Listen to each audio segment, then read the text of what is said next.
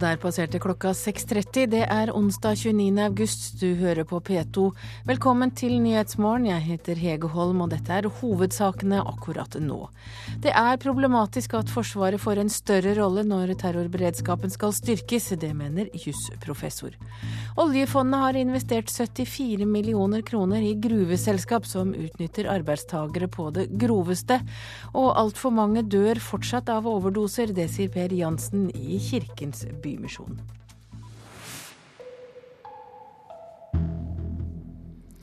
Ja, det er altså ikke uproblematisk at Forsvaret får en større rolle når terrorberedskapen skal styrkes. Det sier jusprofessor Liv Finstad ved Universitetet i Oslo.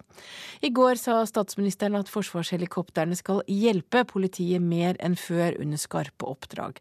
Det er minst like viktig å bygge opp politiets egne ressurser, sier kritikerne. Hvis dette samarbeidet ikke følger meget klare og entydige regler, og eh, gjør at bildet blir uryddig, så eh, er det lett å tenke at eh, dette kan ha konsekvenser for synet på politiet. For folks tillit til politiet. Jeg tror det er veldig viktig å vite hva slags politi vi har med å gjøre. Å gi sivile oppgaver til militære kan være problematisk, sier jusprofessor Liv Finstad ved Universitetet i Oslo. I går sa statsminister Stoltenberg at Forsvarets helikoptre skal jobbe tettere med politiet under skarpe oppdrag. Her må vi ha et politi som er i stand til å håndtere skarpe oppdrag, og som er i stand til å lede eh, skarpe oppdrag. I fredstid kan det åpenbart ikke være Forsvaret som skal lede det. Det må være politiet. I verste fall kan det være at det blir ikke noe bedre i hele tatt, men jeg håper nå inderlig at det tar iallfall seg litt tid nå, da. Sier tidligere politioverbetjent Finn Abrahamsen. I et demokrati har politi og forsvar klart definerte roller.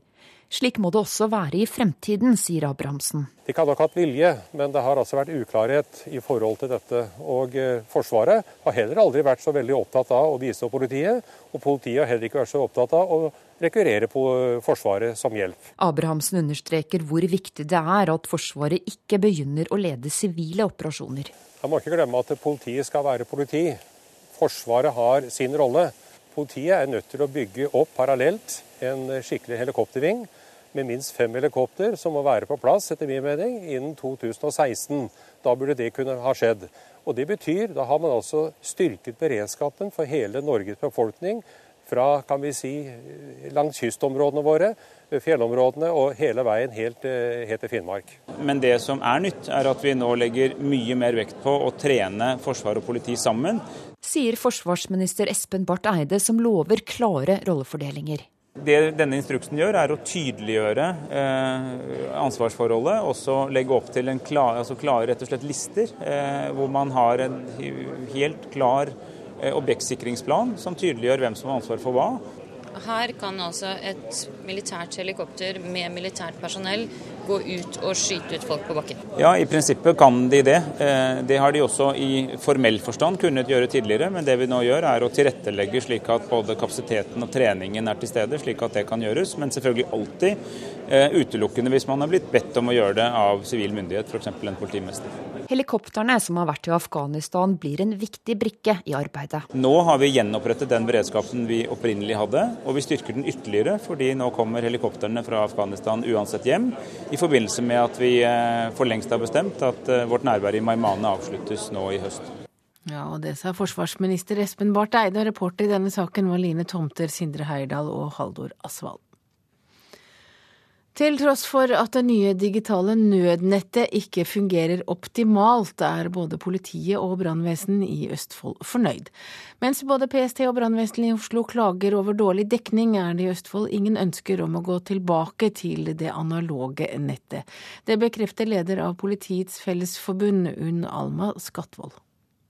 Østfold er jo et ganske lite geografisk politidistrikt, men eh, hos oss så fungerer det veldig bra ute. Utfordringa hos oss er som hos mange, når du er nede i et garasjeanlegg, i et våpenrom, i en garderobe. altså Når du får tett med vegg rundt, så, så fungerer det ikke optimalt. Så det, det må bli bedre. Det nye nødnettet ble offisielt åpnet i Fredrikstad 17.8.2010. Nettet som skal gi en sikker kommunikasjon mellom politi, brann og helsetjenesten, men som ikke fungerte optimalt da terroren traff oss 22.07. I 22.07-kommisjonens rapport heter det at mange av sambandsproblemene oppsto i møte mellom ulike sambandsløsninger. I Østfold melder både brannvesenet og politiet at de nå kun bruker det digitale nettet, som de mener fungerer langt bedre enn den gamle analoge løsningen. Østfold politidistrikt har vært pilotprosjekt, så vi har jo meldt inn om, om barnesykdommene hele tida. Eh, nå syns jeg nok eh, det har ikke gått så fort som det burde ha gjort, men, men den rapporten, kommisjonsrapporten eh, er jo forhåpentligvis med og drar til at det her skal bli utbedra noe kjappere enn før. Ja, og reporter her var Heidi Gomnes. Flere arbeidere har flyktet fra gullgruven i Bisha i Eritrea. Oljefondet har investert 74 millioner kroner i det canadiske selskapet Nevsun, som eier gruven sammen med den eritreiske staten. Abadi Gremeskel jobbet i gruva fra 2006 til 2010, og gjennom organisasjonen Human Rights Concern Eritrea har vi fått tilgang til hva han forteller. Så,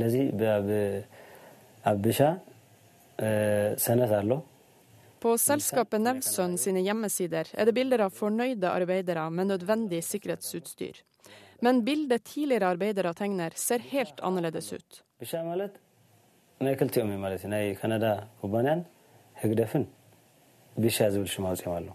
Vi måtte jobbe 16 timer om dagen. Jeg fikk en dagslønn på 26 kroner, sier Abadi Gebremeskel. Han forteller at av de rundt 1000 som jobba i hans avdeling, var det bare 130 som faktisk mottok lønn. Vi vet at Eritrea er et av de veldig få land som har storskala tvangsarbeid, hvor titusener av eh, menn og kvinner som er innrullert i det militære, eller i National Service som det heter, blir brukt eh, uten å få betaling over flere år. Det sier Eritrea-kjenner Kjetil Tronvold. Det finnes ikke noe privat sektor i Eritrea, så staten styrer all arbeidskraft.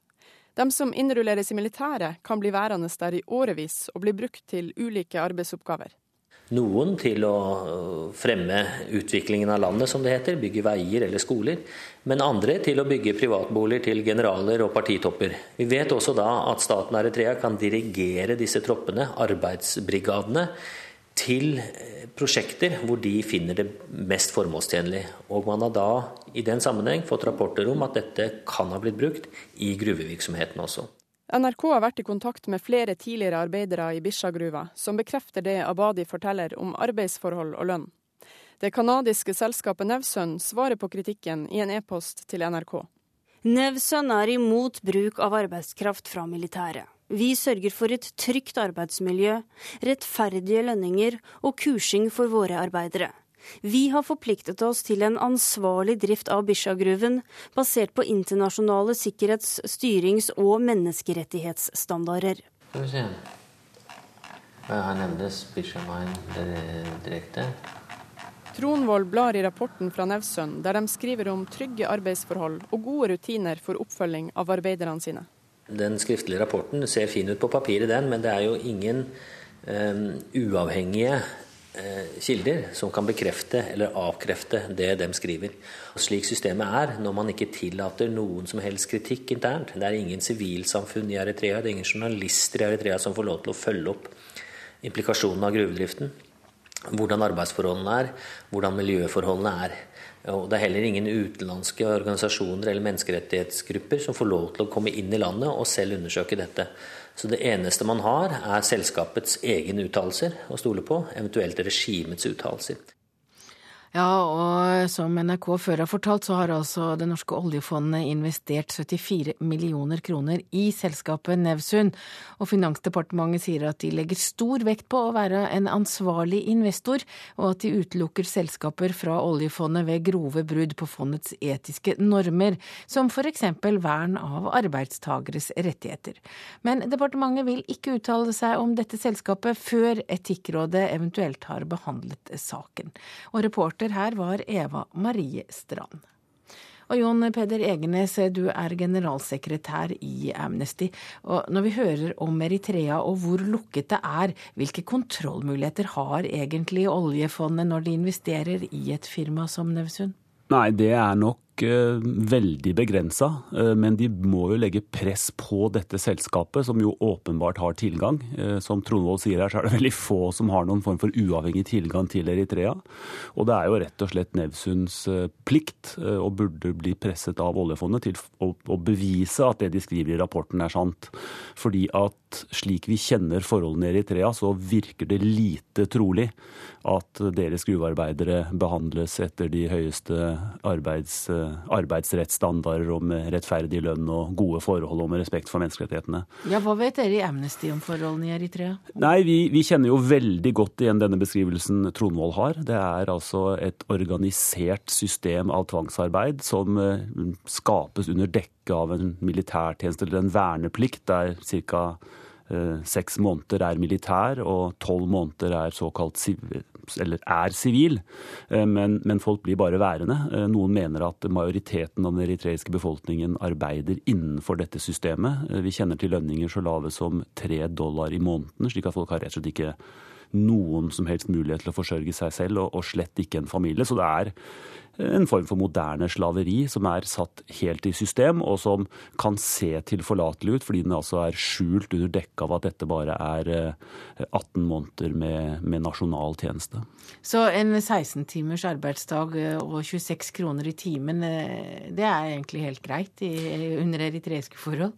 Ja, 26 kroner i timen er faktisk altså ganske høyt eh, slik i forhold til hva vi har, eh, vi har, fått beskrevet. Det som er interessant, er at gruvedriften er relativt ny i Eritrea, og vi er egentlig på jakt etter mer dokumentert bevis på at disse arbeidere, altså dette systemet også er brukt i gruvene. Vi mistenker det, fordi systemet er så fordi systemet er så systematisk og satt i system. Eh, men eh, nå begynner vi kanskje å få de første håndfaste bevisene for at dette griper inn i gruvene. Og selv FN har advart utenlandske selskaper mot å opptre skal vi si, blindt i Eritrea, fordi det er så stor risiko for at de altså tjener penger eh, på slaveri. Men hva slags forhold har Eritrea til eh, den internasjonale samfunnet? Ja, Eritrea er vel det nærmeste vi har Nord-Korea i verden i dag. Det er et totalt lukket samfunn. Eh, vi kjenner til tusenvis av samvittighetsfanger som enten er fengslet fordi de har feil politisk oppfatning, feil religiøs tro, eller har f.eks. utøvd kritikk over regimet. Det er grufull tortur. Vi kjenner til mange tilfeller av folk som har blitt drept under tortur i Eritrea. Og fengselsforholdene eh, er så ille at det stadig vekk dør mennesker. Det er ikke uvanlig å bli holdt i containere ute i bakende sol, f.eks. Eh, og en av de mest brukte torturmetodene er å binde mennesker på hender og føtter og la dem ligge ute i solen i én til to uker.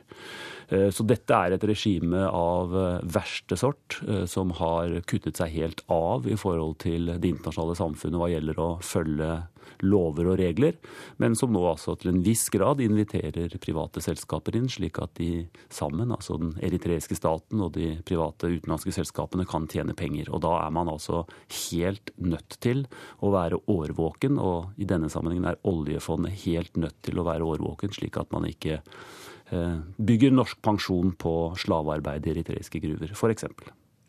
Takk til deg, generalsekretær i Amnesty, Jon Peder Egenes. Da har vi kommet fram til dagens ferske aviser. Sigrid-saken vekker vonde minner. Det sier etterforskere som lever med uløste forsvinningssaker. Og det er VG som har snakket med etterforskerne. Politiet frykter krimbølge i Midt-Norge. Bygging av kampflybasen vil føre mange unge menn til Ørlandet, og en samling menn i alderen 18 til 45 år. Det er ikke heldig, sier politioverbetjent Roy Hoøen til Adresseavisen. Nordnorske turister går seg slitne i fjellet og krever henting av helikopter. Redningstjenesten i Nord-Norge er irritert, skriver Nordlys. Egypt stenger tunnelene som gir menneskene i Gaza og på Gazastripen forsyninger. Gjennom 1000 smuglertunneler bringes varer inn til Gaza, men etter at 16 egyptiske grensevakter ble drept, slår Egypt ned på tunnelaktiviteten.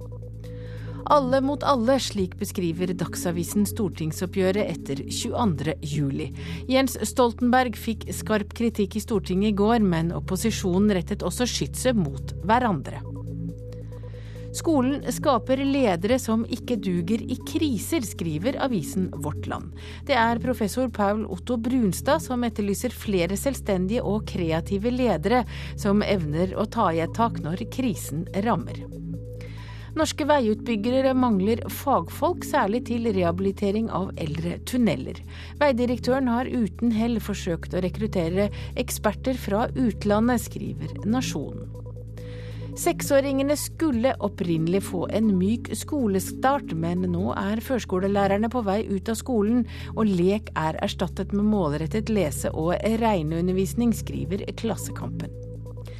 Dagbladet avslører krigen i Oslos nye underverden. Gjengavtaler og hemmelige mafiamøter, skriver avisen om. Halleluja, skriver Bergensavisen på sin forside, og har et bilde av artisten Leonard Cohen. Den 77 år gamle canadiske poeten og artisten får fem på terningen etter sin konsert på Koengen i Bergen i går. Og det er anmeldelse av konsertens tre første timer en kan lese i BA.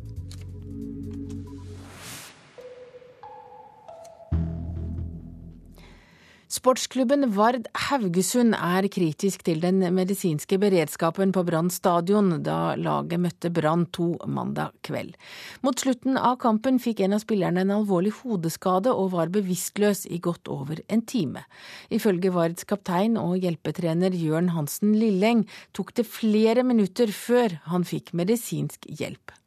En sånn stor klubb som Brann bør ha ressurser og muligheter til å ha et Røde Kors eller en lege med tilgang til, til båre på sånne arrangementer. Og Det er jo et krav også fra, fra, forbundet. Og Når sånne klubber som oss bruker mye ressurser på å oppfylle de kravene, så kommer vi opp til en sånn klubb som Brann, og de har egentlig helt blotta for sånne ting. Så syns jeg jo det egentlig er forferdelig trist. for det. Sånn, sånn skal ikke skje. Ifølge Norges Fotballforbund sitt regelverk skal det på kamper i andredivisjon være hjelpekorps med tilgjengelig ambulanse til stede når portene åpnes på arenaen. Branns sportslige leder Rolf Magne Valstad innrømmer at det ikke var ambulanse på plass, men at ambulansen kom raskt til stedet ettersom Haukeland sykehus ligger like ved. Ambulansen var på plass på, på stadion i løpet av få minutter. Haukeland sykehus ligger jo noen steinkast fra stadion her, så det jeg vet, det var at det tok veldig kort tid før ambulansen var på plass. Vard sender nå en rapport til Norges Fotballforbund på saken. Eh, vi har vært i dialog med, med dommeren også, som også vil gjøre det. Vi vil jo at det skal være like krav for klubber, og det står jo spesifikt i kamparrangementsreglene at det skal være det. Og vi oppfølger dem, så hvorfor skal ikke Brann gjøre det?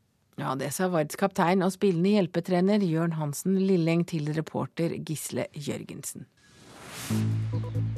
Du hører på Nyhetsmorgen i NRK P2 og Alltid nyheter. Klokka er 6.47, og dette er hovedsaker i nyhetene. Det er problematisk at Forsvaret får en større rolle når terrorberedskapen styrkes. Det mener jusprofessor. Oljefondet har investert 74 millioner kroner i gruveselskap som utnytter arbeidstagere på det groveste. Og følg med, så får du høre mer om det mystiske maleriet som Munch gjemte.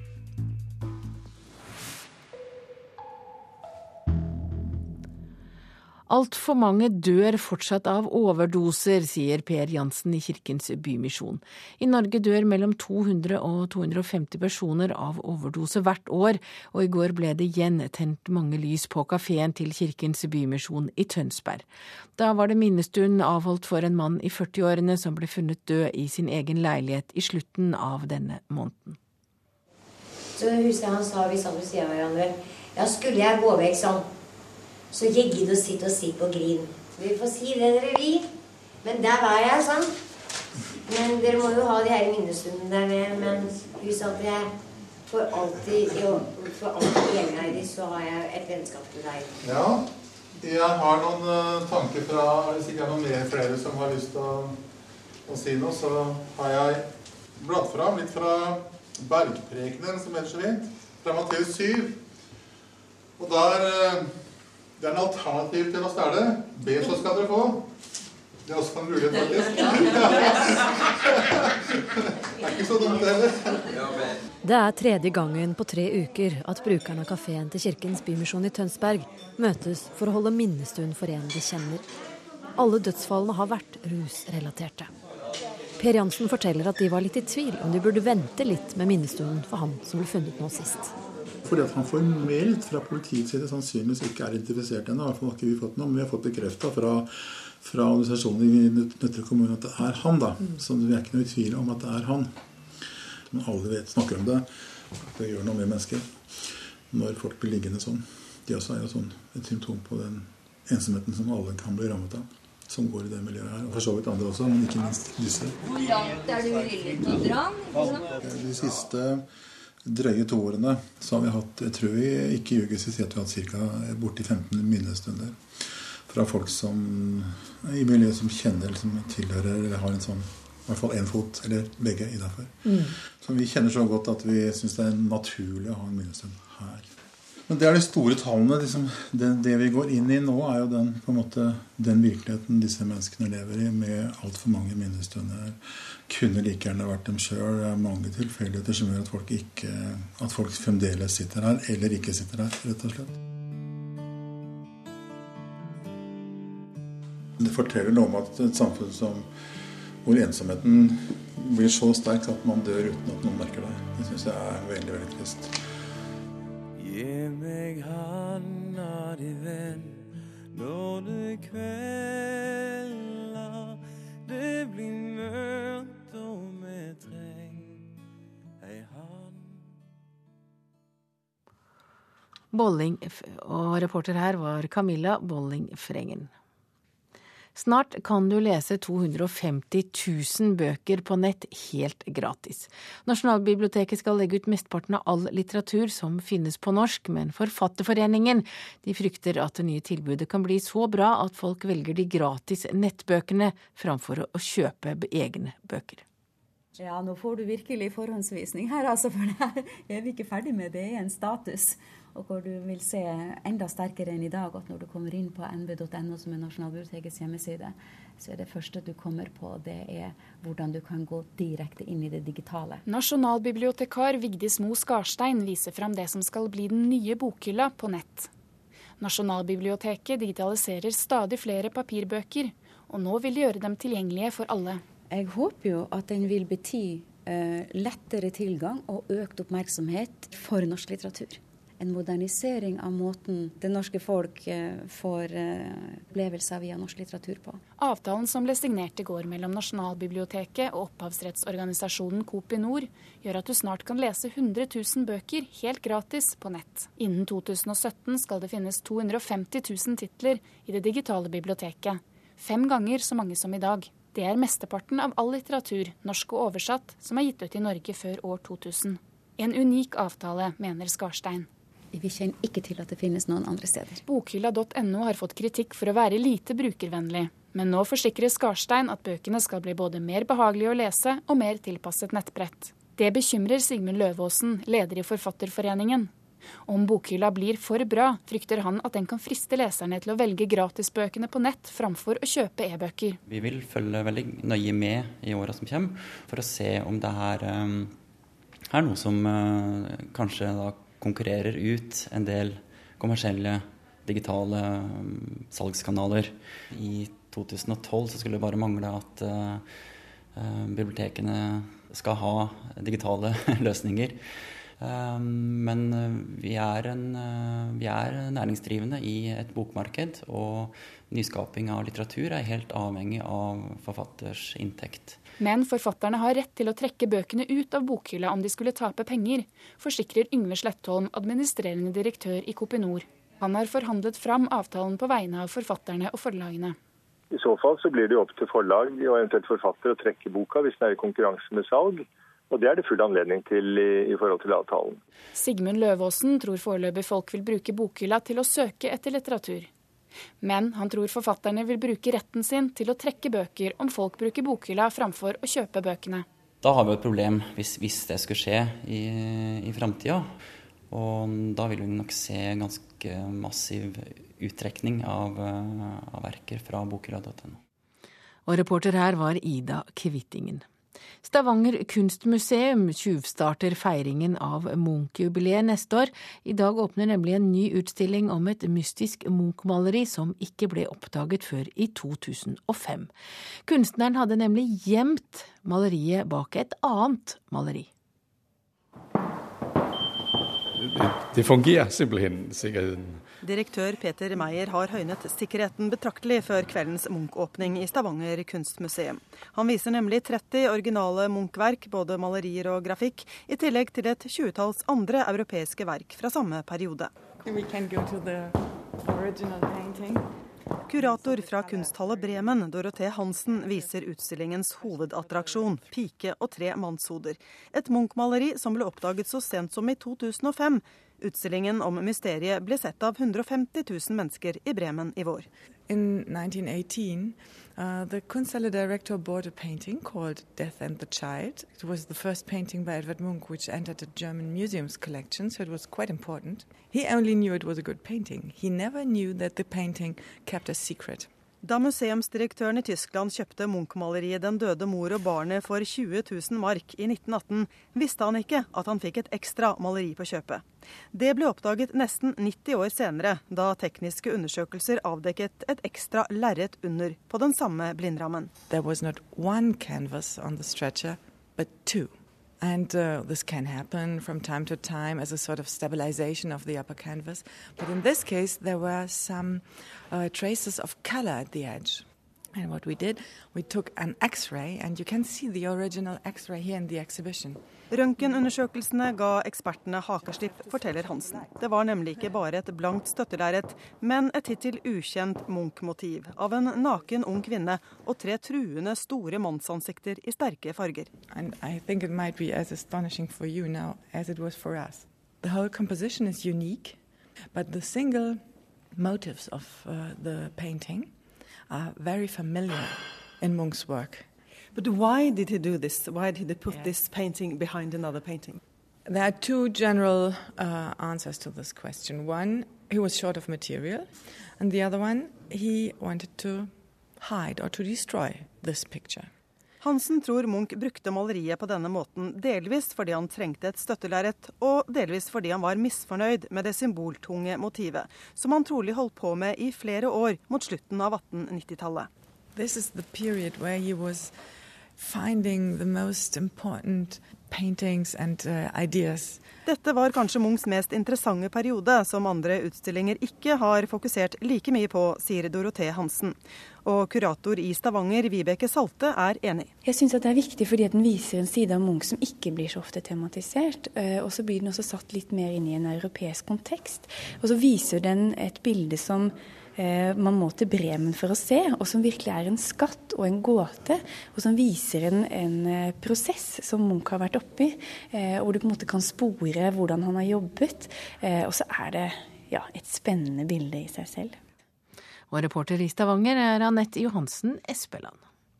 Da har vi kommet fram til et værvarsel som gjelder til midnatt. Østland og Telemark lokal morgentåke, ellers lettskyet pent vær. Etter hvert sørlig bris og tilskyende. Mot kvelden sørøstlig frisk bris og litt spredt regn. Agder mot kvelden sørøstlig frisk bris, liten kuling vest for Lindesnes. Litt spredt regn i vest, senere regn i hele området. Rogaland sørvest frisk bris, enkelte regnbyger. Fra ettermiddag sørøstlig liten kuling. I kveld til dels stiv kuling og etter hvert regn. Hordaland og Sogn og Fjordane sørlig til dels stiv kuling. Forbigående sterk kuling lengst i nord. Fra i ettermiddag frisk bris og enkelte regnbyger. Møre og Romsdal sørlig frisk bris, stiv kuling på kysten av Sunnmøre. Fra i ettermiddag skiftende bris. Enkelte regnbyger på Sunnmøre, ellers opphold og perioder med sol. Trøndelag sørøstlig frisk bris, opphold og lange perioder med sol. I kveld skiftende bris og noe mer skyet. Nordland sørøstlig liten kuling, litt regn i grensetraktene i nord, ellers stort sett opphold. Fra i ettermiddag sørøstlig frisk bris og stort sett pent vær. Troms og Vest-Finnmark med vidda. Østlig liten kuling, litt regn i indre strøk, ellers skyet opphold. Fra i ettermiddag sørøstlig bris, etter hvert stort sett pent vær vest for Lyngsalpene. Øst-Finnmark sørlig frisk bris, etter hvert opp i liten kuling. For det meste pent vær, men periodevis noe mer skyet i vest. Og Nordensjøland på Spitsbergen sørøstlig liten kuling. I kveld sørlig og tiltykning til regn. Så har vi temperaturer målt klokka fem. Svalbard fem, Kirkenes åtte, Vardø ni. Alta 13, Tromsø 14, Bodø 13, Brønnøysund 12, Trondheim 11, Molde 10, Bergen 14, Stavanger 14, Kristiansand, Kjevik 9, Gardermoen 12, Lillehammer 10, Røros 8 og Oslo-Blindern hadde 14 grader. Og det var altså temperaturer målt klokka fem.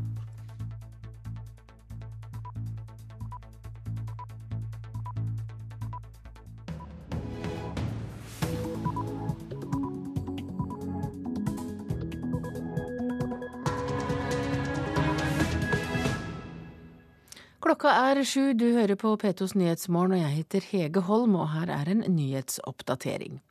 Nytt felles nødnummer kan bli avlyst fordi Helse-Norge protesterer kraftig. I verste fall så betyr det at en henvendelse kan drukne i andre hendelser som skjer samtidig, eller at den som håndterer din henvendelse, ikke skjønner hva det dreier seg om. Og det sier ambulansesjef og overlege Guttorm Brattebø.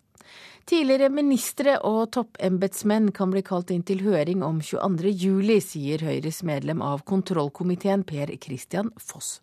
Jeg vil ikke se helt bort fra at statsråd Storberget kan være interessant for komiteen. Og embetsmenn og etatssjefer kan også kalles inn. Oljefondet har investert 74 millioner i gruveselskap i Eritrea som utnytter arbeidstagere. Eritrea er vel det nærmeste vi har Nord-Korea i verden i dag. Det er et totalt lukket samfunn. Vi kjenner til tusenvis av samvittighetsfanger som enten er fengslet fordi de har feil politisk oppfatning, feil religiøs tro, eller har f.eks. utøvd kritikk. Det sier Jon Peder Egenes i Amnesty. Turban, hijab og kalotter er fra i sommer tillatt i tilknytning til uniformer i det norske forsvaret. Forsvarsdepartementet tillater nå bruk av slike symbolplagg sammen med uniformen. Og i USA i natt var det presidentkandidatens kone som holdt åpningstalen på republikanernes landsmøte med en hyllest til amerikanske kvinner. It's the moms who have always had to work a little harder to make everything right. It's the moms of this nation, single, married, widowed, who really hold this country together. Og det sa altså Anne Romney. Nå skal vi høre at det har kommet mange protester mot å bare ha ett nødnummer i Norge, og de protestene er så kraftige at det hele kan bli avlyst.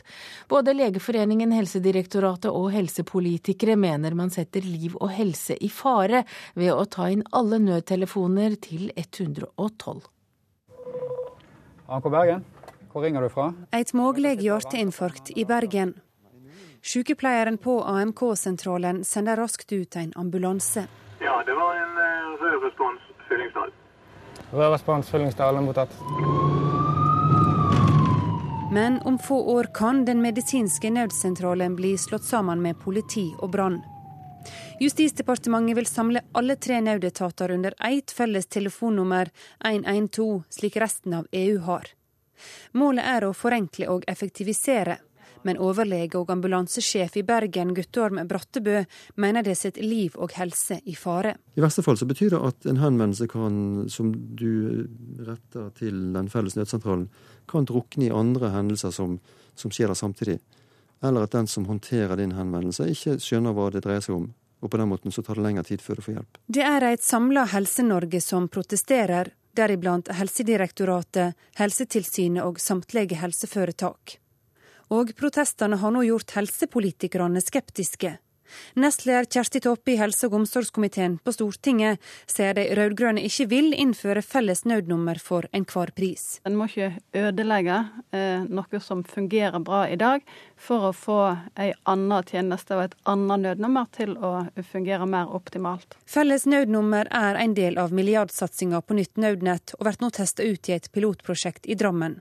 Deretter blir det ei sak for Stortinget. En veldig vanskelig situasjon. Og jeg håper at eh, myndighetene tar til vettet før en, en havner der. Og reporter her var Trude Bakke. Tidligere ministre og toppembetsmenn vil bli kalt inn til høring om 22. juli.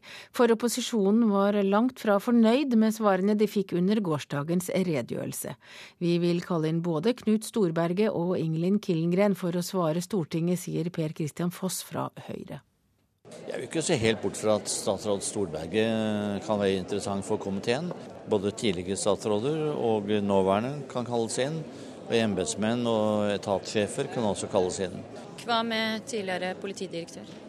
Det er også aktuelt. Både Ingelin Killengren og Øystein Mæland vil trolig bli kalla inn på teppet når opposisjonen søker sine svar.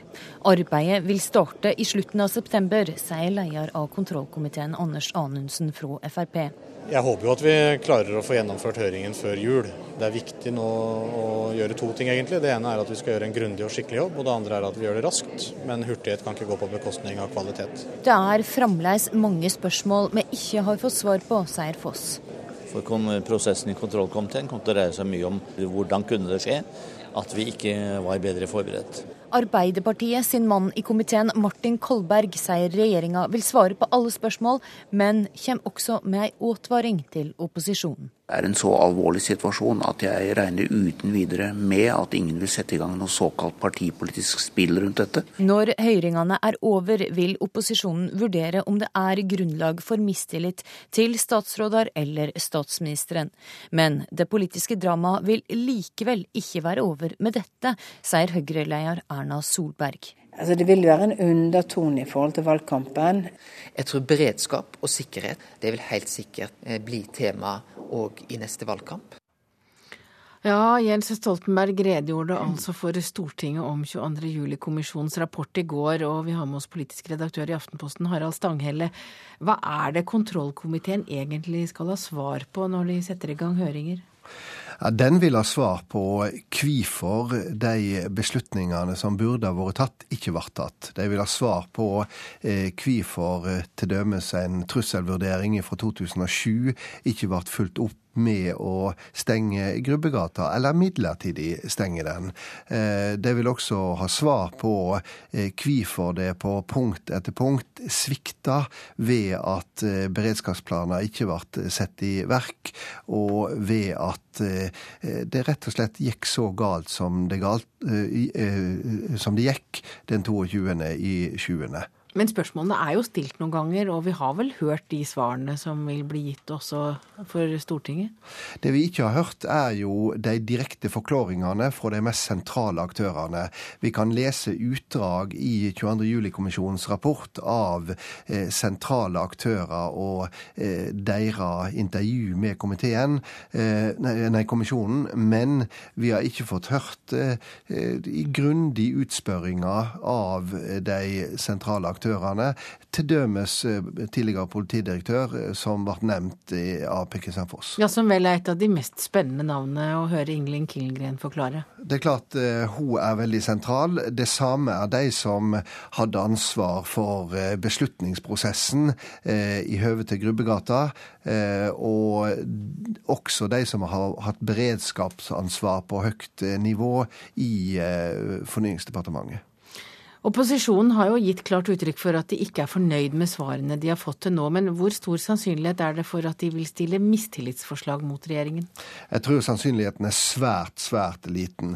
Det er ingen som er på regjeringsjakt, og eh, Fremskrittspartiets Kjetil Solvik-Olsen sa jo det direkte på mandag i et intervju med Stavanger Aftenblad at han ønsker ikke at Stoltenberg skal gå av. Han ønsker ikke at eh, han som nå sitter med en dom på 21 års forvaring over seg, skal få den tilfredsstillelsen og tro at det er han som har ført til at et av målene hans er oppnådd, nemlig å felle ei Arbeiderparti-leda regjering. Og så er det vel noe med at i en valgkamp er det greit å kunne vri kniven rundt eh, gang på gang i såret hos Arbeiderpartiet og regjeringen? Ja, det er det ene, ene men jeg tror nok det ligger en djupere undertone i dette fordi at eh, Jens Stoltenberg og Arbeiderpartiet er ansvarlig for mye av det det som ikke fungerte, ikke var fulgt opp. Men Arbeiderpartiet er også det fremste offeret for 22.07. sammen med ungdomsorganisasjonen AUF.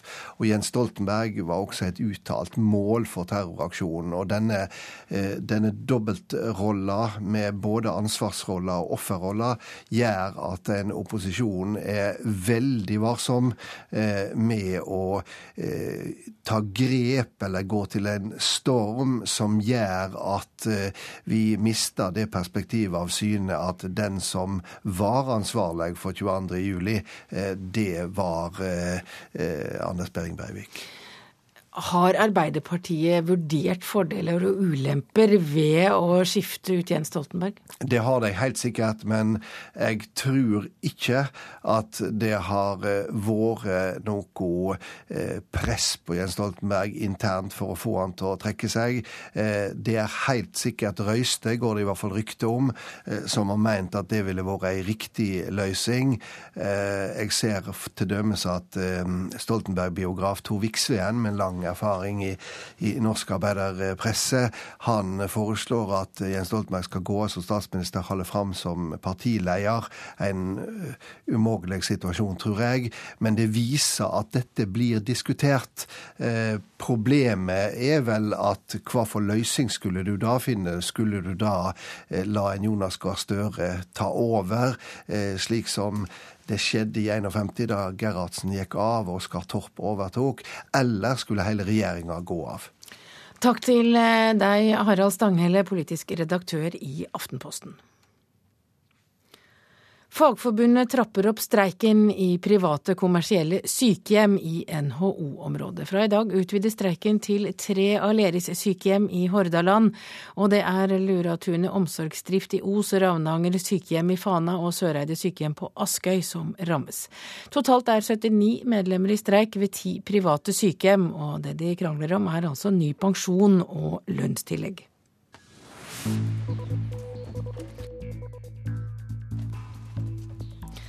Klokka er 11 eh, minutter over sju. Du hører på Nyhetsmorgen i NRK P2, og dette er hovedsaker akkurat nå. Nytt felles nødnummer kan bli avlyst fordi Helse-Norge protesterer kraftig, mener kun ett felles nummer kan sette liv og helse i fare. Tidligere ministre og toppembetsmenn kan bli kalt inn til høring om 22.07, sier Høyres medlem av kontrollkomiteen Per Christian Foss. Og oljefondet har investert 74 millioner kroner i et gruveselskap i Eritrea, som utnytter arbeidstagere på det groveste. Jon Peder Egenes fra Amnesty sier at det er et organisert system med tvangsarbeid i Eritrea.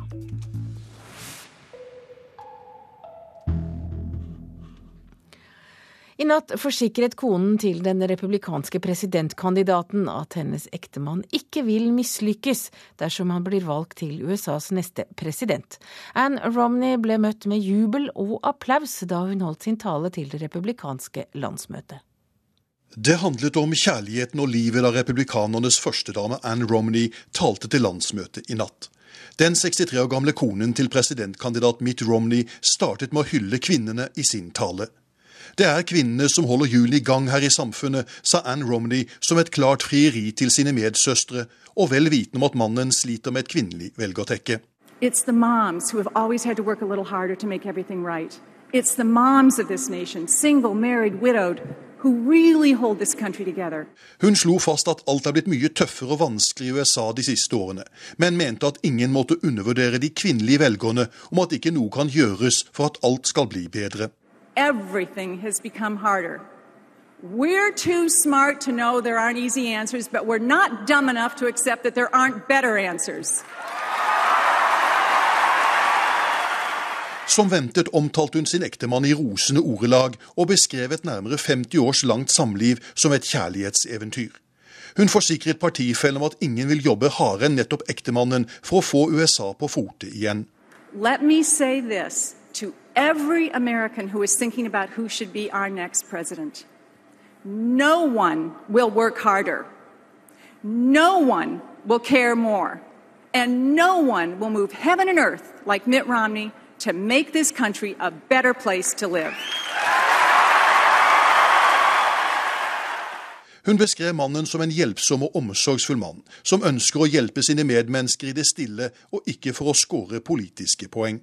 Mitt doesn't like to talk about how he has helped others because he sees it as a privilege, not a political talking point. Anne Romney avsluttet sin 20 minutter lange tale med et løfte om at mannen hennes ikke vil mislykkes dersom han blir valgt til USAs neste president. I can't tell you what will happen over the next four years, but I can only stand here tonight as a wife and a mother and a grandmother, an American, and make you this solemn commitment. This man will not fail.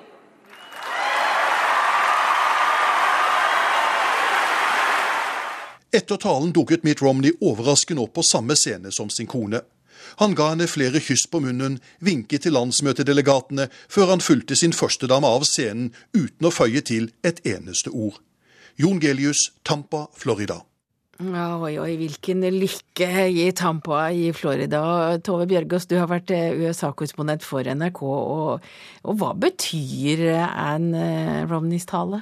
Den betyr mye, spesielt fordi Mitt Romney blir sett på litt, som litt kjølig og, og, og litt sånn distansert. Og, og denne voldsomme kjærligheten, det, det, det, er viktig for spesielt republikanske velgere at familien står i sentrum. Eh, men, men, mange husker også Michelle Obamas tale for fire år siden eh, i eh, Denver, på demokratenes møte der, der hun hadde med seg de to døtrene på scenen, og der Barack Obama var med på en satellittlink, og, og hvordan døtrene var så søte. Eh, Amerikanerne velger mer enn en president, de velger en første familie. Eh, og det, og det har vært viktig bestandig. Men Mitt Romney selv han kom jo til landsmøtet i Florida to dager tidligere enn eh, planlagt, eh, og nå er han blitt offisielt valgt som presidentkandidat. Men, men hvorfor så tidlig ute? For, ikke minst pga. denne stormen som, som, nå slår inn mot kysten av USA. Det har vært så mye usikkerhet rundt dette møtet. og Derfor så vil han sørge for at han var der i tilfelle de f.eks. måtte avlyse den, siste dagen. Men han ønsket også å være til stede når kona hans eh, sto på scenen. Og bare komme ut og vise ansiktet og på en måte vise at, han, han, var der. Dette møtet er enormt viktig for Mitt Romney. Det er her han må presentere seg for velgerne. Men hvor mye har denne så mye omtalte orkanen Isak påvirket landsmøtet landsmøte eller til republikanerne? Mye. Eh, både fordi det, det, passer seg ikke å ha en svær politisk fest rett i nærheten av en storm som kan true menneskeliv.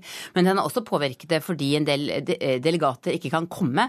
Noen viktige guvernører kan ikke komme. Guvernøren i Louisiana bl.a., Bobby Gindle, eh, som må passe på sine der. Og, og, og den legger en demper rett og slett på hele arrangementet. Og så var det faktisk en storm for fire år siden også under republikanernes møte som også gjorde at de måtte utsette den et døgn. Så dette hviler som en slags sky over partiet. Og strengt tatt burde de ha lært. Men i en ny meningsmåling som ble offentliggjort i går, så leder Barack Obama med 46 mot 42% Men hva må til for at Romney skal ta igjen Obama? Jeg tror det viktigste der er hva som skjer med amerikansk økonomi. Og dersom arbeidsledigheten stiger, dersom veksten ikke går opp, eh, dersom folk føler at de har fått det vanskeligere økonomisk utover høsten, da stiller Mitt Romney fortsatt veldig sterkt. Eh, han er en forretningsmann. Han stiller til valg nesten utelukkende på at han skal få skikk på økonomien igjen, og at Obama har feilet. Og det er det dette valget kommer til å handle om. I morgen skal han holde en stor tale som blir vel kanskje den viktigste han har holdt i livet sitt. Eh, hva må han gjøre der for å skape den entusiasmen som må til for å få han inn i presidentstolen? Ja, Det er spørsmålet. Han er jo ikke spesielt karismatisk, mener mange. Og han har sagt i intervjuer denne uken at han ønsker å være seg selv. Han kan ikke være noe annet enn seg selv. Og den han da ønsker å være, er en tidligere forretningsmann som vil få skikk på USA, og som vil drive USA videre som en slags stor bedrift. Og i tillegg eh, så må han fokusere på å samle partiet. Han må forsøke å få med seg de konservative kreftene i partiet som slett ikke vil ha ham som kandidat. Det har staben hans allerede jobbet iherdig med eh, denne uka. Så har vi også Ron Pauls eh, eh, tilhengere på, på landsmøtet, som, som, er libertarianere som heller ikke støtter Romney. Han må forsøke å samle dette partiet og skape entusiasme, men, men først og fremst fokusere på, på kompetansen innenfor økonomi, tror jeg. Takk til deg, tidligere USA-korrespondent og nå utenriksmedarbeider her i NRK, Tove Bjørgaas. I Romania ble presidenten i går gjeninnsatt etter en bitter politisk strid som har skadet landets omdømme. Generalsekretær i Europarådet Torbjørn Jagland forteller at Europarådet spilte en sentral rolle for å få presidenten gjeninnsatt. Romania er jo medlem av Europarådet, er forpliktet på de prinsipper som, og standarder som Europakonvensjonen eh, setter. og Derfor så kunne vi nå, eh, og gjennom de kontakter jeg hadde med regjeringen der gripe inn. Og nå har jo da parlamentet gjeninnsatt eh, presidenten. Tross folkelige protester kunne i går den rumenske presidenten Trajan Basescu returnere til Kotroceni-palasset. 6.7 ble han suspendert av nasjonalforsamlinga skylda for maktmisbruk. Ei folkeavstemning skulle avgjøre om han ville bli stilt for riksrett. 88% stemte for å stille den karismatiske sjømannen Basesco for riksrett. Men da deltakinga var under 50 var det opp til grunnlovsdomstolen å bestemme om folkeavstemminga skulle kjennes ugyldig. Det tok grunnlovsdomstolen flere veker å komme med ei avgjerd. Den var under hardt press, forteller generalsekretær i Europarådet Torbjørn Jagland. Eh, det har nok, eh, sånn som jeg bedømmer, vært et eh, veldig sterkt press. Men presset fra de europeiske institusjonene, særlig Europarådet, som jo har de legale virkemidlene i en sånn sak, har jo ført til det omvendte resultat. Tre uker med politisk kamp er mer enn nok.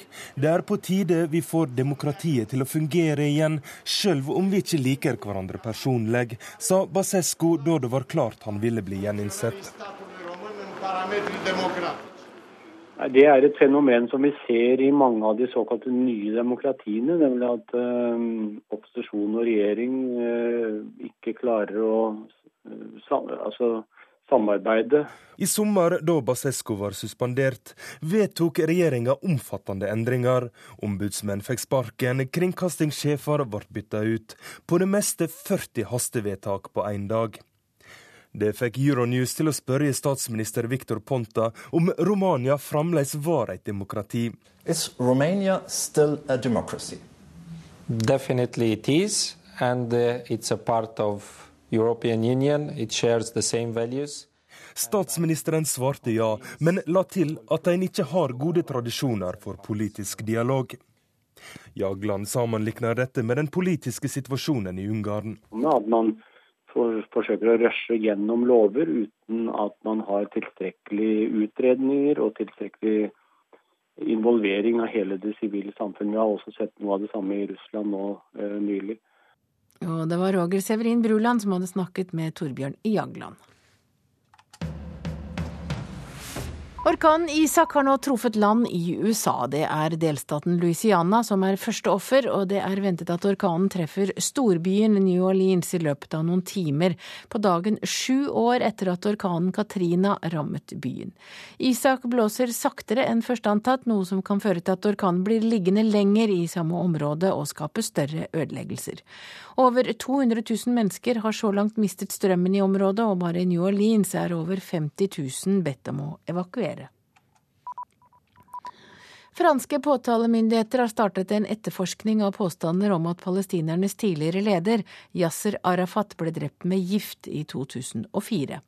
Det er Arafats enke Soa som har bedt om etterforskningen, etter at en forskningsrapport fra Sveits tidligere i sommer avslørte uvanlig høye verdier av polonium på klærne til Arafat. En belgisk domstol har benådet Michel Martin, ekskona til barnedrapsdømte Marc Dutro, etter halv tids soning. Mange belgiere raser mot avgjørelsen fordi Michel Martin er løslatt mot at hun går i kloster og Martin ble i 2004 dømt til 30 års fengsel sammen med mann, ektemann Dutro for å ha bortført og seksuelt misbrukt seks mindreårige jenter og forårsaket at fire av dem sultet i hjel.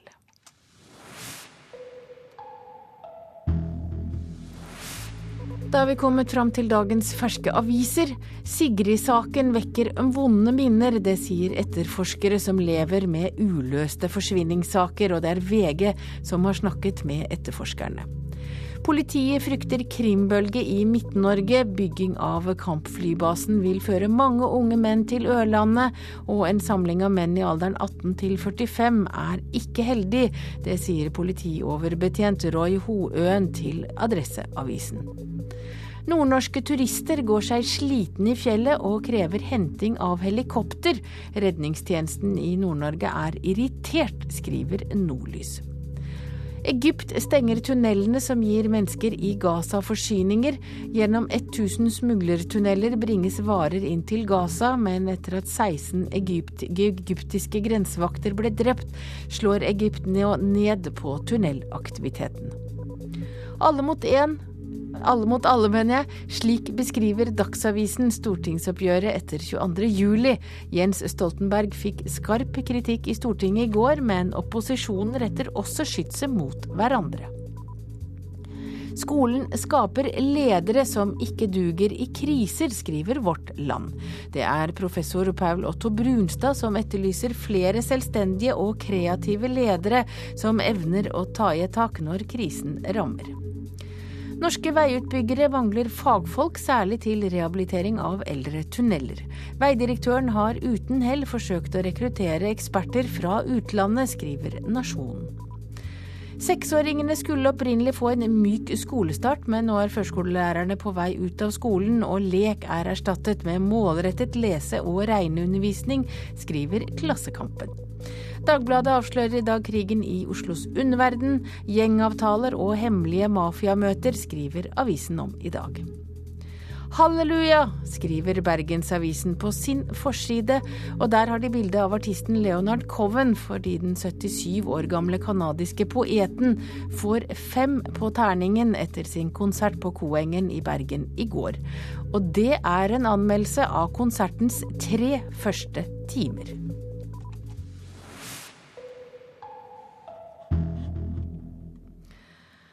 Og så skal vi snakke om natteravner, for den såkalte voldtektsbølgen fikk mange hundre oslofolk til å melde seg for å bli natteravner forrige høst. Men i dag er det bare et fåtall av dem som fortsatt er aktive medlemmer. Denne uken starter organisasjonen med å lokke frivillige tilbake.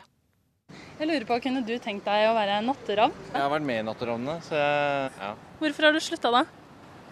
Nei, Det er vel fordi jeg ikke har hatt tid. For det er nemlig slik at mange av de som meldte sin interesse i fjor til prosjektet Trygg by, ikke lenger er aktive medlemmer i Natteravnene. Dette vil daglig leder Lars Nordbom gjøre noe med. Det er jo sånn at uh, når vi uh, hadde mye fokus på voldtekter i, uh, i, høst, og hvor mediene også fokuserte på det, så kom det veldig mange. Det kom opptil 100 personer på hver vandring. Men en slik oppslutning varte ikke så lenge. Frafallet har jo vært ganske stort, men det hadde vi også forventet. Det er klart Når man har en, et mediafokus på en viktig sak, og det er flere hundre som melder seg, så kan man ikke forvente at alle de 800 som meldte seg, blir veldig aktive. Hvor mange ville du tippe er aktive? Jeg vil tippe at vi har en, i hvert fall 200. Men nå er organisasjonen på ny opptatt av å rekruttere flere natteravner, og alle som meldte seg på i fjor, er ikke glemt. For det er klart Fordelen med det vi hadde i høst, det var jo at vi nå sitter på mange navn som faktisk er interessert. Og Den kommer vi til å bruke aktivt. Så mange av de som meldte seg i høst, skal ikke se bort fra at de kommer til å få en telefon i løpet av nærmeste fremtid. Og da det tidligere var vanlig med drop-in-system, vil organisasjonen nå prøve ut andre metoder for å få folk til å bli med på vandring. Jeg tror personlig at uh, folk har en såpass hektisk hverdag at dette med drop-in-system kanskje fungerer litt dårlig. Men jeg tror at hvis man får en telefon og får en forespørsel om en vandring noe frem i tid, så tror jeg det er lettere å si ja takk. fordi da kan man planlegge det. Forhåpentligvis skal påminnelse sikre faste vandringer og mindre arbeid per frivillig. Man kunne være, altså målet vårt er jo å være 50 natteravner på hver vandring, både fredager og lørdager. Men er det mange nok, så vil det være tilstrekkelig å gå en gang i måneden. Og det tenker jeg kanskje er en passelig eh, innsats å gjøre. Er det noen steder som er verre å rekruttere natteravner enn andre? Nei, Tradisjonelt sett så er det jo Oslo sentrum som det er vanskelig å rekruttere natteravner til. Og i bykjernen er det ikke alle som vil være frivillig. Hva kunne du tenke deg å være natteravn? Nei um, Kanskje sånn engangstilfelle. Engangstilfelle? Hvorfor bare det? Fordi det er egentlig ikke noe som jeg har lyst til å drive med sånn daglig. Uh, nei. Hvorfor ikke det? I forhold til jobb og sånn, så vet jeg ikke hva man skal gjøre. Men veldig glad for å ha natteravner. Og reporter her var eh, Daria Sorik. Nyhetsmorgen eh, denne timen eh, tar pause. Det er tid for Dagsnytt. Men etter Dagsnytt eh, skal du få høre om Rachel Corrie, som ble drept da hun prøvde å hindre en bulldoser i å rive et palestinsk hus i 2003. I går tapte foreldrene hennes den sivile rettssaken mot den israelske staten. Politisk kvarter skal i dag handle om 22. juli. Per Christian Foss og Martin Kolberg kommer i studio. Produsent for Nyhetsmorgen i dag er Ragnhild Bjørge, og jeg heter Hege Holm.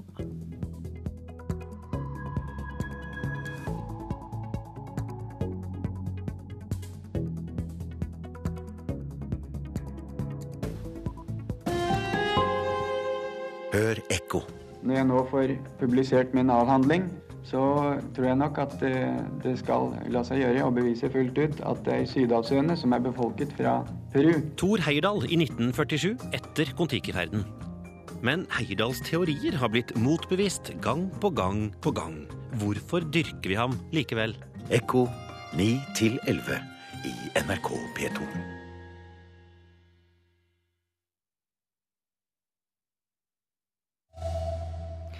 Nytt nødnummer kan bli skrinlagt fordi Helsedirektoratet og Legeforeningen protesterer så kraftig. Oljefondet investerer i gruvedrift der det kan foregå tvangsarbeid. Mitt Romney er i natt valgt til presidentkandidat for republikanerne. God morgen, her er NRK Dagsnytt, klokken er 7.30. Protestene mot bare å ha ett nødnummer i Norge er så kraftige at det hele kan bli avlyst. Både Legeforeningen, Helsedirektoratet og helsepolitikere mener man setter liv og helse i fare ved å ta inn alle nødtelefoner til 112. ANK Bergen, hvor ringer du fra? Et mulig hjerteinfarkt i Bergen. Sykepleieren på AMK-sentralen sender raskt ut en ambulanse. Ja, det var en uh, rød respons Fyllingsdal. Rød fyllingsdalen, Fyllingsdal mottatt. Men om få år kan den medisinske nødsentralen bli slått sammen med politi og brann.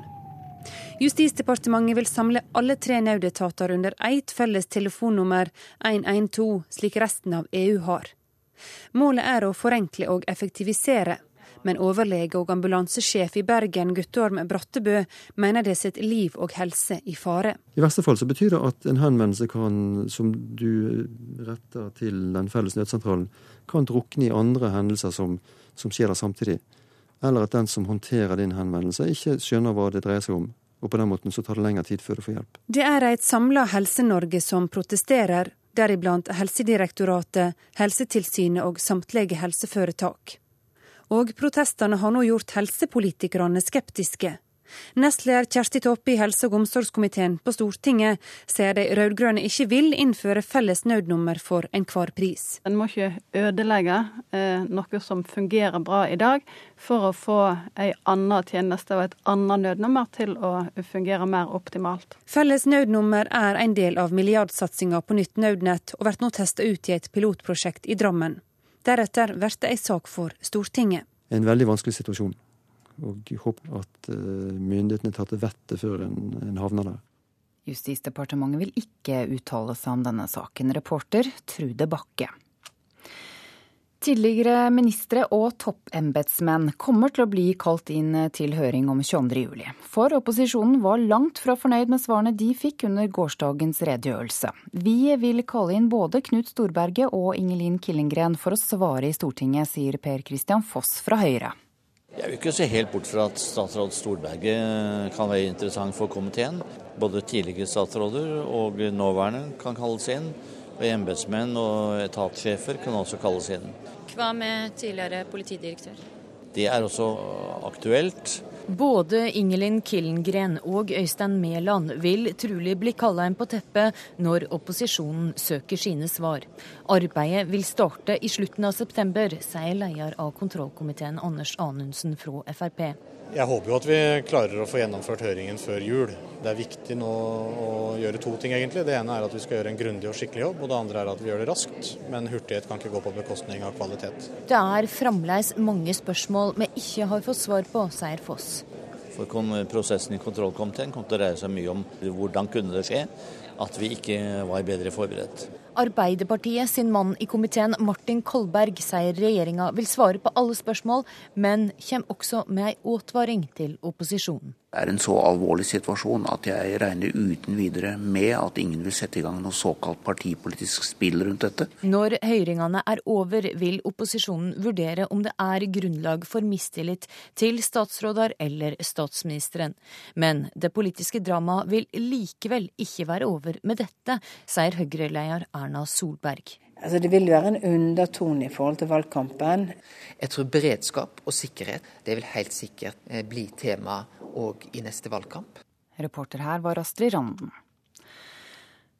Flere bloggere har opprettet egne nettsider med støtteerklæringer til Anders Behring Breivik. Her publiseres taler fra rettssalen og brev fra fengselet. Dermed ser Breivik ut til å nå målet sitt om å få publisert det han skriver, eh, melder Klassekampen. Journalist og forfatter Øyvind Strømmen sier at nettverket ikke er stort. Vi måtte jobbe 16 timer om dagen, fikk dårlig mat og luselønn. Det sier Abadi Gebremeskel. Han jobbet i gullgruven Bisha i Eritrea, der det norske oljefondet har investert 74 millioner kroner. Gjennom organisasjonen Human Rights Concern Eritrea har vi fått tilgang til det han forteller.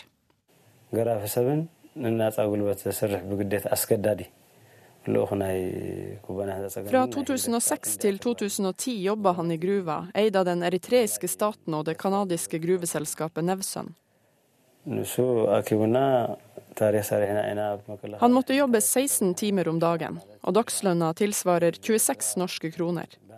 Abadi forteller at av de rundt 1000 som jobba i hans avdeling, var det bare 130 som faktisk mottok lønn. Vi vet at Eritrea er et av de veldig få land som har storskala tvangsarbeid, hvor titusener av eh, menn og kvinner som er innrullert i det militære, eller i National Service som det heter, blir brukt eh, uten å få betaling over flere år. Det sier Eritrea-kjenner Kjetil Tronvold. NRK har vært i kontakt med flere tidligere arbeidere i Bisha-gruva, som bekrefter opplysningene Abadi gir. Det canadiske selskapet Nevsøn svarer i en e-post til NRK. Nevsøn er imot bruk av arbeidskraft fra militæret. Vi sørger for et trygt arbeidsmiljø, rettferdige lønninger og kursing for våre arbeidere. Vi har forpliktet oss til en ansvarlig drift av Bisha-gruven, basert på internasjonale sikkerhets-, styrings- og menneskerettighetsstandarder. De har også utgitt en egen rapport om ansvarlig drift. Den skriftlige rapporten ser fin ut på papiret, den, men det er jo ingen um, uavhengige uh, kilder som kan bekrefte eller avkrefte det de skriver. Oljefondet har altså investert 74 millioner kroner i selskapet Nevsun. Finansdepartementet sier de utelukker selskaper ved grove brudd på fondets etiske normer, som vern av arbeidernes rettigheter. Departementet vil ikke uttale seg om dette selskapet før Etikkrådet eventuelt har behandlet saken. Reporter Eva Marie Strand. Så til USA, for Mitt Romney vil ikke mislykkes som USAs neste president. Det slo hans kone Ann Romney fast for få timer siden, da hun holdt tale på det republikanske landsmøtet. Ektefellen eh, sier Romney vil løfte USA med sin politikk. Det handlet om kjærligheten og livet da republikanernes førstedame Ann Romney talte til landsmøtet i natt. Den 63 år gamle konen til presidentkandidat Mitt Romney startet med å hylle kvinnene i sin tale. Hun slo fast at alt er blitt mye tøffere og vanskelig i USA de siste årene, men mente at ingen måtte undervurdere de kvinnelige velgerne om at ikke noe kan gjøres for at alt skal bli bedre. We're too smart to know there aren't easy answers, but we're not dumb enough to accept that there aren't better answers. Ann Romney avsluttet sin 20 minutter lange tale med et løfte om at mannen hennes ikke vil mislykkes dersom han blir valgt til USAs neste president. I can't tell you what will happen over the next four years, but I can only stand here tonight as a wife and a mother and a grandmother, an American, and make you this solemn commitment. This man will not fail.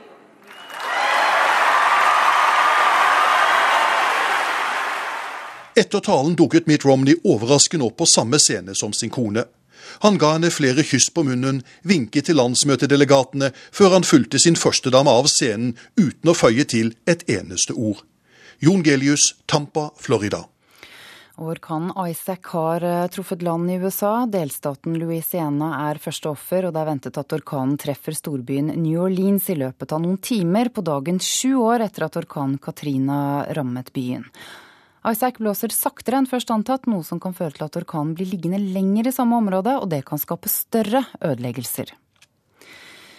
Så sport. Dommersjef Rune Pedersen mener norske dommere ikke lar seg påvirke av trenere og spillere. Strømmen-trener Erland Johnsen gikk i går ut og sa at fremprovosering av kort til motstanderen er et stort problem i norsk fotball. Men det er ikke Pedersen enig i ingen som har tatt opp dette som noe problem av oss. Derfor deler ikke dommersjef Rune Pedersen oppfatningen til Strømmen-trener Erland Johnsen, som mener trenerkollegaene i problematisk stor grad maser på dommeren for å framprovosere kort til motstanderlaget. Pedersen mener at dommerne er obs på det, og ikke lar seg påvirke. Det er langt utafor eh, fair play-begrepet, og dommere er da pliktige til å gi gult kort for usportslig opptreden i de tilfellene man avdekker det. Og Det har vært gitt i år både i Tippeligaen og i Adeccoligaen.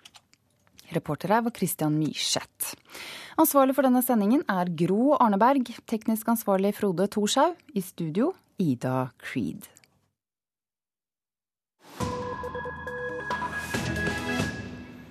Du hører på P2s Nyhetsmorgen, og nå skal vi til Israel, der foreldrene til Rachel Corrie i går tapte den sivile rettssaken mot den israelske staten. Rachel Corrie ble drept i 2003 da hun forsøkte å hindre en bulldoser i å rive et hus til en palestinsk familie. Familien hennes mener Israel ikke har etterforsket saken grundig, og moren vil fortsatt kjempe mot det som hun mener er urett.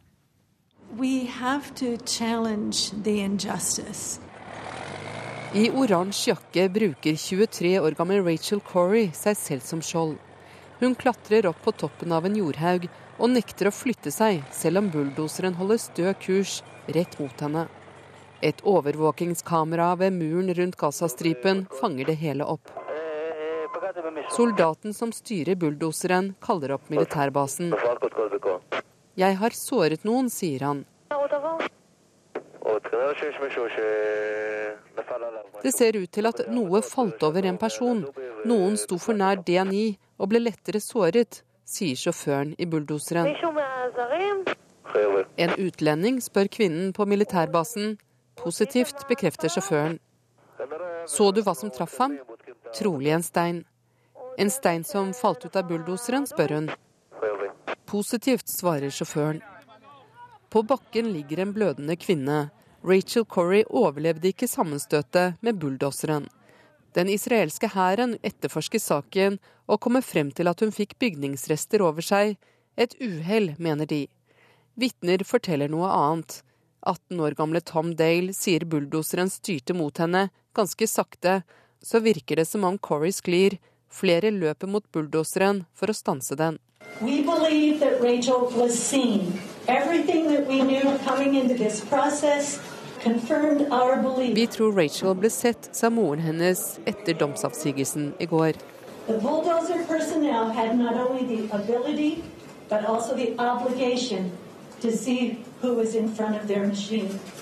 Soldatene i bulldoseren hadde både mulighet og ansvar for å se om noen var foran dem, mener Cindy Corey. Bare to dager før hun dør, har Rachel Corey blitt intervjuet på TV. Um, Jeg har aldri opplevd noe verre, forteller hun om inntrykkene fra Gazastripen.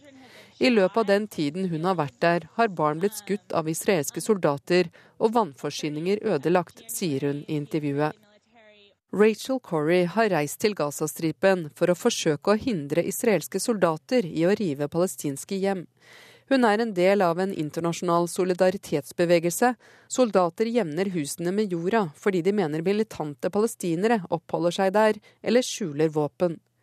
Der under den andre intifadaen palestinere gjennomfører flere selvmordsangrep i Israel og sprer frykt og død. Israelere svarer med militære midler. Og bulldosere. Rundt 1700 hus blir revet i området rundt Rafa på grensen mot Egypt under intifadaen. Israelerne mener Corey og de andre ikke har noe der å gjøre, og kaller det militær sone. I går tapte familien det sivile søksmålet de anla mot den israelske hæren, etter at de nektet å anmelde sjåføren av bulldoseren. Faren sier prosessen har vært vanskelig. At some point, I think we found ourselves in a war of attrition with a state, you know, against a family. Israel har drevet en uttalingskrig mot familien, men vi har holdt ut, og jeg tror Rachel hadde vært stolt, sier Craig Corey. Og reporter her var Åse Marit Befring. Klokka er 7.44. Dette er hovedsakene i Nyhetsmorgen. Nytt felles nødnummer kan bli avlyst fordi Helse-Norge protesterer kraftig. De mener kun ett felles nummer kan sette liv og helse i fare. Tidligere ministre og toppembetsmenn kan bli kalt inn til høring om 22.07, sier Høyres medlem av kontrollkomiteen Per Christian Foss.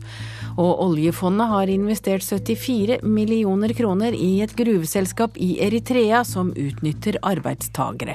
Jon Peder Egnes fra Amnesty sier at det er organisert system med tvangsarbeid i Eritrea. Og da er tiden kommet for Politiske kvarter, og Bjørn Myklebust, du er programleder i dag, og det virker som om alle nå er enige om at sannheten må på bordet om 22. juli. Hva skjer med den enigheten når valgkampen nærmer seg?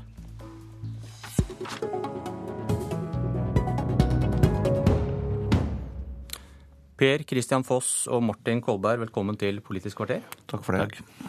Dere sitter i kontrollkomiteen på Stortinget, som nå skal finne ut hva som gikk galt før eh, terrorangrepet i fjor. Martin Kolberg fra Arbeiderpartiet. Hva er prosedyren hvis et medlem av kontrollkomiteen selv må stille i en høring? Nei, Vi har jo et uh, slikt nærliggende eksempel nå, faktisk. En helt annen sak. Altså denne, denne, denne tildelingssaken, tilskuddssaken. Hvor jo mm, Per Kristian Foss, som her sitter, er også bedt om å, å, å møte som tidligere finansminister for å uttale seg. Og det, det er prosedyren er at det går godt an å gjøre. slik at det må, kan vi i tilfelle gjøre hvis det, situasjonen krever det. Ja, Per Kristian Foss fra Høyre, du skjønte sikkert at det var deg jeg tenkte på i denne saken også? Ja da. Har, har, du noe, har, du noe, der å gjøre, syns du? I uh, saken om uh, 22. juli? juli? Nei. Hvorfor ikke? Fordi uh, Finansdepartementet har ikke vært involvert i, konkret i de uh, hendelsene som, som det gjelder. Så det å innkalle tidligere ministre der, det finner jeg ikke naturlig. Dem men du, har vært med men du, du, du, har, du har jo blitt anklaget da for å ikke å ha gitt penger til Nødnett da du var finansminister, og det må da være relevant? Det er ikke slik at finansministeren eh, blander seg i hva det enkelte departementer bruker pengene til. Men de gis rammer. Og det er regjeringen som fatter vedtak, ikke finansministeren. Men der er du og tidligere justisminister Dørum tydeligvis uenige, og det er vel sånne ting kontrollkomiteen skal bringe klarhet i? Ja da. Det å innkalle Dørum er fullt mulig. Men ikke deg? Det finner jeg veldig litt naturlig, fordi at eh, det er regjeringen som fatter vedtak om, om rammer, og det er eh, fagstatsrådene som bruker innenfor rammen. Du, Erna Solberg hun snakket konsekvent om ting som har skjedd etter 2005 i går. Er det, nei, det tilfeldig? Gjorde, nei, det gjorde hun ikke. Det er faktisk feil. Hun snakket om lengre, en lengre periode og utelukket ingenting i forhold til som kan, eh, hvor langt tilbake man ønsker å gå. Og Det er altså komiteens holdning, tror jeg. Kolberg, hva tenker du om dette å innkalle ministre fra regjeringer før din? Foss, Dørum. Ja, altså Jeg vil ikke utelukke det, men altså vi skal, vi skal ta dette i tur og orden nå. Og eh, det viktige å få sagt, det er det som introduksjonen her viste, nemlig at også fra posisjonsside og fra Arbeiderpartiets side, så er det som trumfer alt, det er å få fram sannheten og realiteten. Og vi vil i tilfelle ikke innkalle eh, politikere fra tidligere regjeringer med tanke på å sette i gang noe spill rundt dette. Det må i tilfelle bare være for å finne den saklige sannhet om hva som har vært utviklingslinjen når det gjelder utvikling av norsk beredskap. Men vil det være vanskelig å plassere et ansvar for det som skjedde, på andre enn dere, som har sittet på vakt i ja, da seks år når det skjedde? Nei, altså vi vil ikke på noe sett og vis løpe fra uh, det som kommer frem i kommisjonen, og det ansvaret som ligger på den nåværende regjering. Uh, det har statsministeren gjort veldig tydelig, og det er derfor han i går Eh, veldig, det er veldig sjelden at en statsminister sier det han sa i går, nemlig at eh, han beklaget det som hadde skjedd. Og det gjorde han nettopp med bakgrunn i alvoret i saken. Eh, men det er ikke slik at vi ikke vil gå tilbake hvis uh, situasjonen krever det, for at man kan få klargjort den lange linjen i denne saken.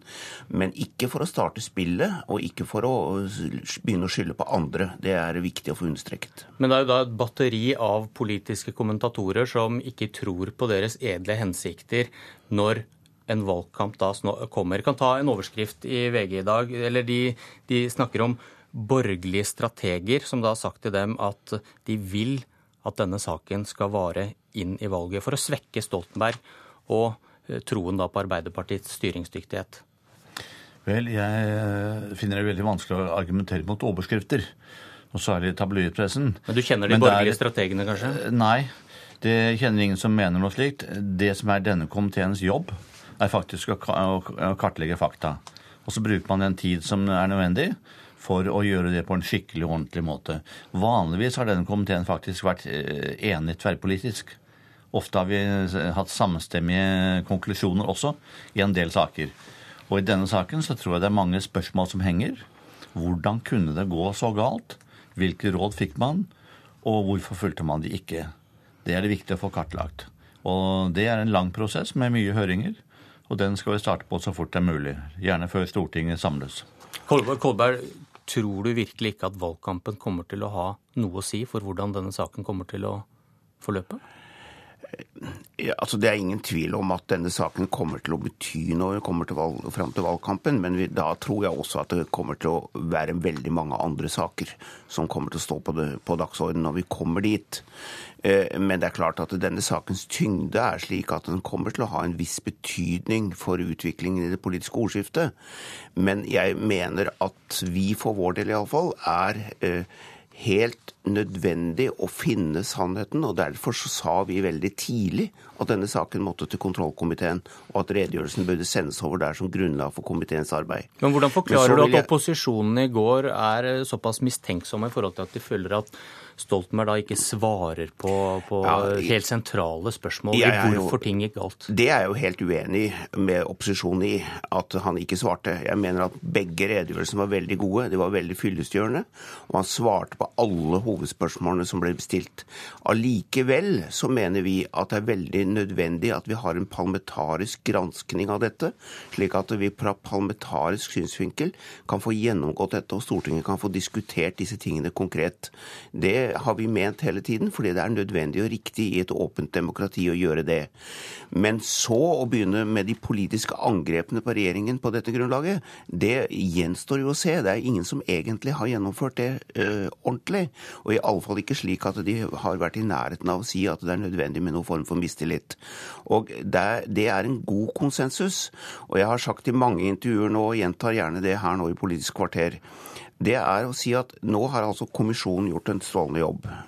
Eh, rettsvesenet har gjort en, en, en, veldig god jobb. Det er alle enige om. Nå må politikken gjøre sin del av jobben. Og da må vi unngå det partipolitiske spillet, som det heter. Eh, fordi at hvis det starter, så er det klart at da vil politikken i folks øyne, tror jeg, komme i veldig store vanskeligheter. For her er folk opptatt av resultater, og det er det vi må konsentrere oss om. Kan du utstede en garanti for oss på at det ikke blir noe politisk spill rundt dette, selv om det er valgår?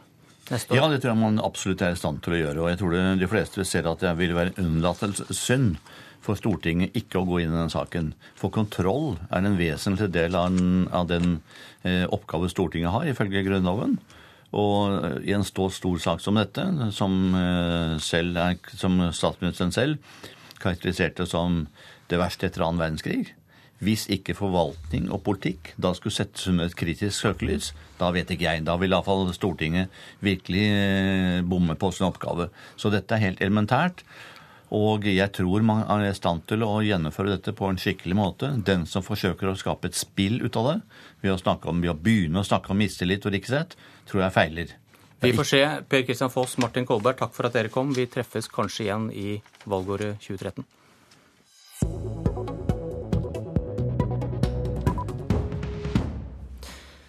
Senterpartiet har vært mot oljeboring i Lofoten og Vesterålen. Men nå reiser tilhengerne seg. Programkomiteen i partiet klarer ikke bli enige om at de skal stå ved dette. Erling Sande, du er leder av energi- og miljøkomiteen på Stortinget for Senterpartiet. Og du er med oss fra oljehovedstaden Stavanger, der det er oljemesse. Og du kan umulig være blant venner? Jo, altså La oss være klar på det at eh, petroleumsnæringa er en viktig næring for Norge. Eh, men i Senterpartiet har vi hatt en holdning om at vi skal prøve å få disse ressursene til å vare lengst mulig.